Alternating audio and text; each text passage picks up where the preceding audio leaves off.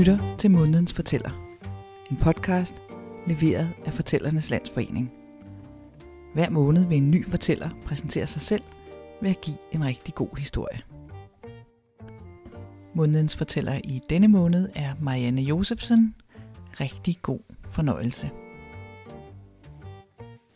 I starten af 80'erne, der arbejdede jeg på epidemisk afdeling på Rigshospitalet. Det var nogle lave bygninger, som lå over på Tagensvej.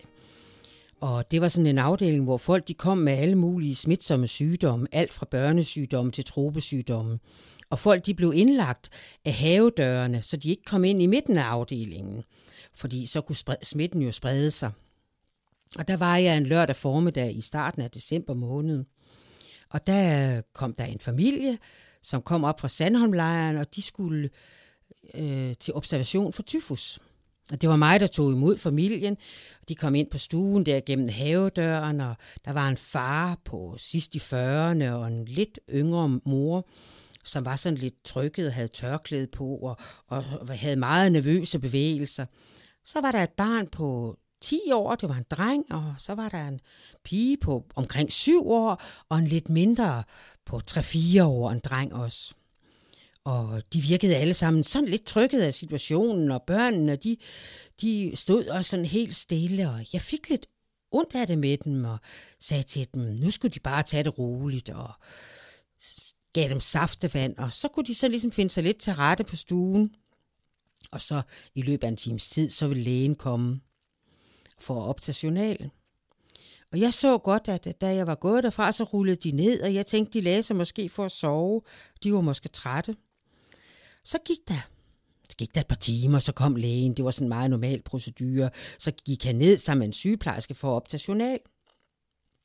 Men de kom meget hurtigt ud igen, og så meget forvirret ud og sagde, at den her familie var der slet ikke. Og jeg var nede og forklare, om det havde den da sandelig været før, og der var fem personer. Og, og vi tænkte, kan vide, om de var gået ned i kaffestuen? Det måtte de jo i hvert fald ikke, og der var de ikke. Og kan vide, om de var ude på terrænet for ligesom at, at få lidt frisk luft? Det var de heller ikke. Ja, til sidst så var vi nødt til at ringe til Sandholmlejren og sige, at familien den var simpelthen blevet væk. Og tolken, som jeg havde været med fra starten, han tog telefonen, og han sagde, ja, det var da, altså det var da godt nok lidt mærkeligt, men, men den her familie var faktisk lidt speciel, fordi de havde lige øh, fået afslag på asylansøgning, og, og, og det kunne jo godt være, at de havde benyttet den her hospitalsindlæggelse sådan til at, at starte en flugt på. Det skete nogle gange. Nå, jamen det var da, nå. Han sagde så, at han ville tage sig af det, og så tænkte vi egentlig ikke mere på det. Ikke før der var gået et par år. Så kom jeg til at snakke med Mette. Mette, min gode kollega fra Rigshospitalet, om det. Og hun sagde, at den familie havde faktisk boet hos hende i en hel måned. Det var nemlig sådan, at Mette hun arbejdede både på Rigshospitalet og op i Sandholmlejren. Og derop, der var hun dybt engageret i arbejdet med flygtninge. Og hun havde mødt en ung mand, der hed Rashid, og ham var hun meget, meget glad for. Og så havde hun så hørt om den her familie, som stod til udvisning, og hun vidste, at faren han kunne muligvis blive udsat for tortur, hvis han kom hjem. Og da de så havde spurgt hende, om han kunne få lov at, eller de kunne få lov at bo i hendes lejlighed, ja, så hun sagt ja. Hun havde ikke lige tænkt over, at hun boede i en to og en halv lejlighed, og hun havde travlt på to jobs, og, og det måske kunne være problematisk for hende. Men det var ikke så nemt. Det var ikke så nemt at have en deprimeret far og en lettere nervøs mor og tre børn, som egentlig havde uro bag i, til at bo i en to og en halv lejlighed. Ja, de fyldte både stuen og det lille rum. Hun havde bare soveværelset, og, og der måtte hun sidde inde nogle gange om aftenen og se tv. Hun skulle tidligt op og på arbejde, og hun, hun følte sig vildt stresset af det. Men heldigvis så kom Rasit. Rasit, hendes gode ven, som også var asylansøger. Han kom ned øh, for at hjælpe, og han købte ting i grønthandlerbutikken, som de godt kunne lide, og han snakkede, når han var der, og kunne tolke imellem dem, og det løste sådan hele stemningen op, og, og det bandt også et bånd mellem Mette og Rashid. Men der var en ting mere, der var problematisk for Mette. Det var mormor. For mormor, det var det eneste familiemedlem, Mette havde tilbage, og de havde en meget, meget tæt forbindelse. De plejede at mødes altså to, tre gange om ugen. Hos mormor, hos Mette, hos Mette, hos mormor. Og nu havde Mette ikke tid. Mette prøvede at bortforklare, at hun skulle på vagt, og nej, det var ikke så godt hjemme hos hende, kunne jeg ikke komme ud til dig, og alle mulige forklaringer. Og i starten, der accepterede mormor det. Men da hun tredje eller fjerde gang ligesom inviterede mormor i biografen, i stedet for at invitere hende hjem og sådan, så spurgte mormor sig, er der noget galt? Nej, nej, det var der ikke, sagde Mette. Og så tænkte mormor, der er simpelthen noget galt. Og næste dag, der tog hun ud for at se, om Mette var hjemme. Mette havde fortalt, at hun skulle på arbejde. Og da mormor hun kom ned i gården, ja, så kunne hun se, at Mette havde, altså gardinerne var rullet for, og det plejede Mette aldrig nogensinde at gøre. Hun plejede frit at gå rundt i sin lejlighed, ja nogle gange bare med BH på, selvom øh, at man kunne se lige ind. Men nu var der rullet for, og mormor synes, at hun kunne se, at der var nogle skygger bag ved gardinerne. Så ringede hun til Mette og spurgte, om hun var hjemme. Nej, jeg er jo på arbejde, mormor, det har jeg jo fortalt dig. Okay, tak. Og så gik mormor op ad trappen. Og hun syntes, hun kunne høre nogle stemmer, da hun gik op ad trappen, men da hun bankede på døren, der var der musestille derinde. Og hun råbte, Mette, Mette, er du der? Mette, er du der? Men der var ikke nogen, der svarede. Og så åbnede hun lige brevsprækken og så ind. Og der kunne hun se, der stod børnesko og nogle fremmede voksensko, både mænd og damer. Der hang en jakke, som hun slet ikke kunne genkende. Og så vidste Mettes mormor, at der var et eller andet ravne galt. Og næste dag, der havde hun fået Mette til at komme hen på et konditori, hvor de nogle gange sad og drak kaffe sammen. Og så sagde mormor, sig mig, hvad foregår der? Der bor nogle mennesker i din lejlighed, og du er ikke hjemme. Hvad er det for noget? Og så forklarede Mette, at den her familie skulle bo hos hende, og senere skulle de til Sverige, og, og, og hun havde været nødt til at hjælpe dem. Er du fuldstændig vanvittig, sagde mormor. Hvad tænker du på? Altså, du kan komme i fængsel. Det er ulovligt, det du laver. Jamen, mormor, du kan nok forstå, at hvis han bliver sendt hjem, så bliver han måske udsat for tortur og børnene. Og det er jeg fuldstændig ligeglad med. Det, og mormor, hun kørte op i en spids. Og til sidst, så kiggede Mette på hende og sagde, jamen mormor, prøv at høre her. Du har selv lært mig det her. Altså, du har fortalt mig om den gang, du var ung og du så gerne ville have haft en jødisk flygtning til at bo hos jer, men din mand han sagde nej, og du havde så dårlig samvittighed, og du blev så glad, da du endelig hørte, at han var kommet til Sverige, uden der var sket ham noget. Kan du ikke forstå, at du vil hjælpe? Og det vil jeg også, og nu gør jeg det. Det er overhovedet ikke det samme, sagde mormor. Hvad tænker du på? Altså, det var jøder, og de boede her imellem os, vi var i krig. Dem der, de kommer fra et sted, vi slet ikke kender til, og de er muslimer, altså, måske er de terrorister, men ved det ikke. Altså, de, de, jeg kan slet ikke forstå dig med det. Og til sidst, så fandt de ud af, at det kunne de faktisk ikke snakke om. Og Mette måtte tage sine ting, og hun sagde farvel til sin mormor, og så måtte hun gå hjem, uden at de var blevet gode venner. Og den næste tid, der gik, den var ikke sjov. Mette, hun gik på arbejde, og hun havde det svært, og hun tog i Sandholm og hun havde det svært. Hun var hjemme i lejligheden sammen med familien, og hun havde det svært. Og hun, hun kunne næsten ikke holde ud, hun var blevet uvenner med sin mormor. Det eneste, der kunne hjælpe, det var Rashid, den unge flygtning op fra Sandholmlejren. Når han kom, åh, han kunne sådan ligesom få hende til at glemme tiden og grine og, og have det morsomt. Så gik der lidt tid med det. Men julen nærmede sig jo. De plejede at holde jul sammen, de to. Det havde de altid gjort. Skulle hun nu sidde alene, og skulle mormor sidde alene? Mette var dybt ulykkelig. Men den 21. december, så ringede det på døren klokken to om eftermiddagen. Og Mette, hun gik ud for at åbne, og der stod mormor.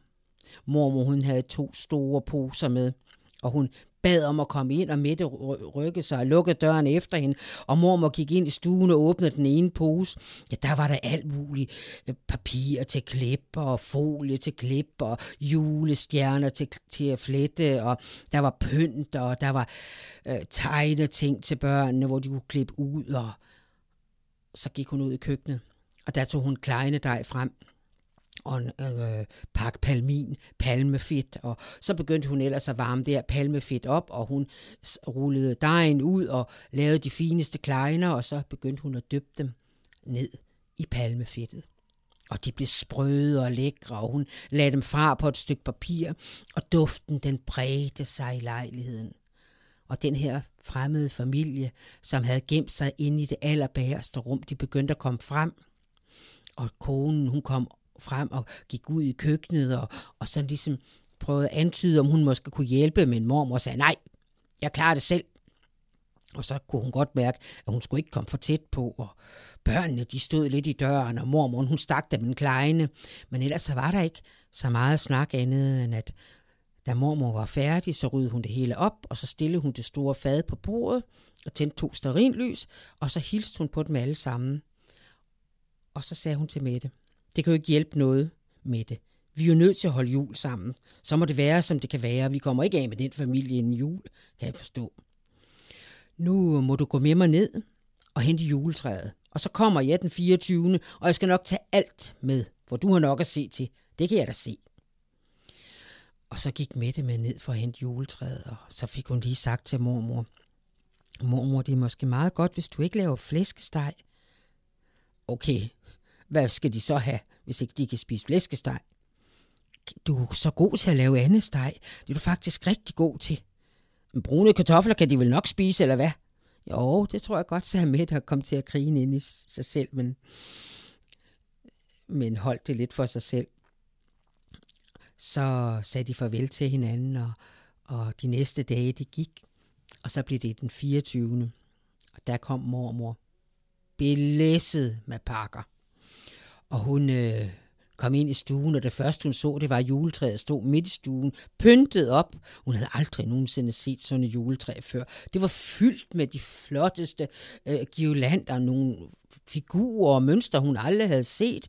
Og så var der stjerner. Har du lavet det, sagde hun til Mette. Nej, det er dem, der har lavet det.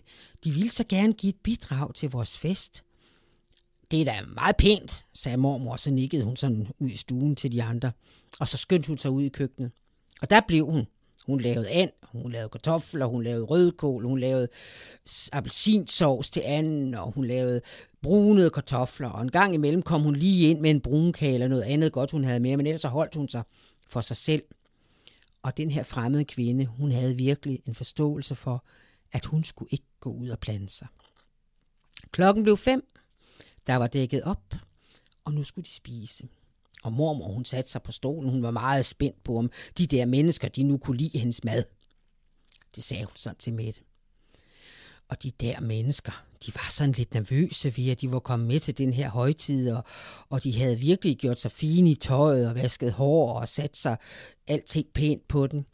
Og nu sad de så og spiste og sagde, smager godt. Mm. Og mormor, hun synes jo, det var meget rart, de godt kunne lide hendes mad, men hun havde ikke sådan andet at sige. Den unge flygtning op fra Sandholmlejren, han var også med Rashid, og han kunne jo lidt dansk, så han prøvede sådan at varme lidt op under mormor, men det var lidt svært, fordi hun havde faktisk lidt svært ved at give sig. Så blev der taget af bordet, og nu skulle der danses som juletræet. Ja, det mente familien i hvert fald, og det mente Mette. Ja, mormor hun sagde, Jamen, vi plejer jo bare at sidde i en stol, og, og så plejer vi at sætte julecidéen på, og så plejer vi bare at sidde og kigge på juletræet. Jamen, det er jo fordi, vi kun er os to, sagde Mette. Nu er vi jo nok til, at vi kan nå hele vejen rundt. Ja, det er næsten ligesom i min barndom, sagde mormor så. Og så rejste hun sig og tog et af børnene i hånden og Mette i den anden hånd. Og så begyndte de at gå rundt. Julecidéen var sat på, og de begyndte at synge. Glæde jul, dejlige jul. Og så var det som om, at mormor hun nærmest faldt bagover.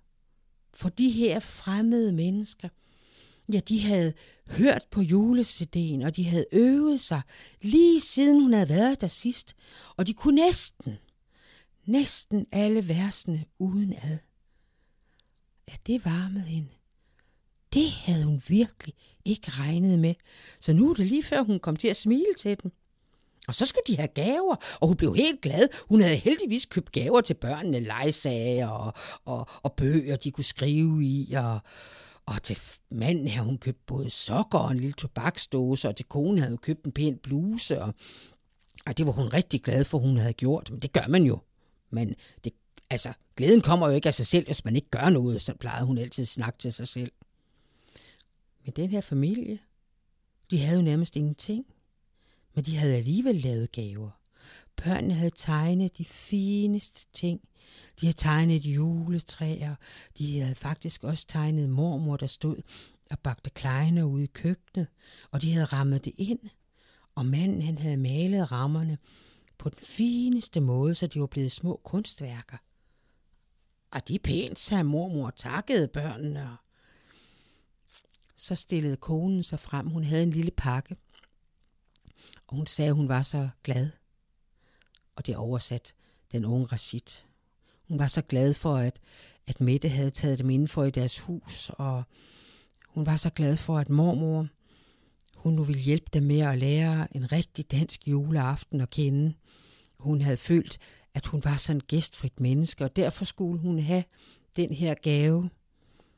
Det var et smykke, som havde tilhørt konens egen mormor.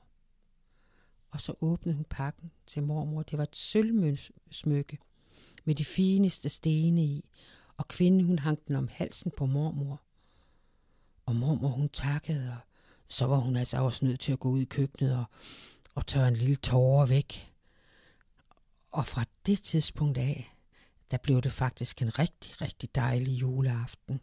Der var som om, at julefreden og julehyggen, den bredte sig. Mette og mormor og familien var sammen et par gange endnu, men så en dag, så kom Mette og sagde, at nu var de, nu var de taget til Sverige, og hun havde hørt, at de var kommet godt frem. Åh, oh, sagde mormor, det er jeg vel nok glad for at høre, altså. De var nu nogle meget søde mennesker. Man skal jo først lige lære folk at kende sådan, ikke? Og Mette, hun smilede indeni, fordi og hun var rigtig glad for, at mormor havde givet sig ligesom slugt kamelen. Og, og hun vidste også, at når man først havde slugt en kamel, så var det næsten nemmere at sluge en til. Og Mette vidste, at hun havde sådan lige en kamel mere, som mormor eller helst skulle kunne sluge. Og det var, at hun havde besluttet sig til at gifte sig med Rashid. De var nemlig meget forelskede i hinanden, og det ville også være rigtig, rigtig godt for hans sag, så han lettere kunne få lov til at blive i Danmark.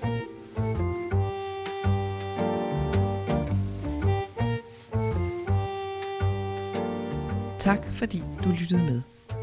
Vil du vide mere om månedens fortæller eller om fortællingen helt generelt, så kan du gå ind på vores hjemmeside fortælleridanmark.dk På genhør i næste måned.